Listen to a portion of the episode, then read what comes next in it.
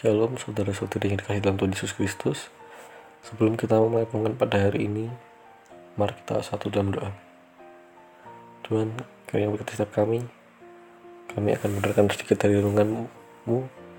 Membuka hati dan telinga kami Tuhan Yesus Supaya kami dapat menjadikan renungan ini Terima bagi Tuhan kami Tuhan Yesus. Ini doa kami, haleluya, amin. Judul renungan kali ini adalah menjadi bijaksana yang terambil dari kitab Mazmur 90 ayat yang ke-1 sampai 17. Ajarlah kami menghitung hari-hari kami sedemikian hingga kami beroleh hati yang bijaksana. Mazmur pasal 90 ayat 12. Beberapa pengamat mengatakan bahwa di tahun 2022 ini adalah tahun yang baik, tahun pemulihan, dan tahun kebaikan. Tetapi tidak sedikit juga pakar yang menyebutkan kalau tahun ini adalah tahun yang lebih sukar dibanding tahun yang lalu. Lalu bagaimana kita meresponi tantangan-tantangan di tahun baru ini? Sebagai orang percaya, hendaknya selain tetap setia dan beriman kepada Kristus, kita juga harus menjadi orang percaya yang bijaksana. Bijaksana dapat diartikan sebagai sikap tepat dalam meresponi suatu keadaan ataupun kejadian sehingga tetap menimbulkan suatu kondisif dan baik.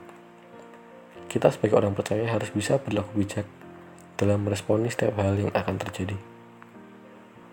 Mazmur 90 merupakan doa Musa kepada Allah.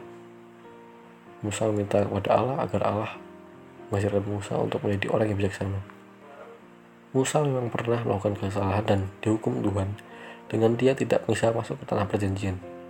Oleh karena itu, Musa meminta kepada Allah agar di sisa hidupnya dia bisa menjadi pribadi yang lebih bijaksana.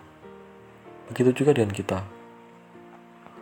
Di tahun yang baru ini, mari kita menjadi murid-murid Yesus yang bijaksana bijaksana dalam bertindak, bijaksana dalam bertutur kata, bijaksana dalam bersosialisasi dengan sesama, dan kita harus bisa memposisikan diri dengan bijak dalam meresponi situasi dan kondisi yang terjadi.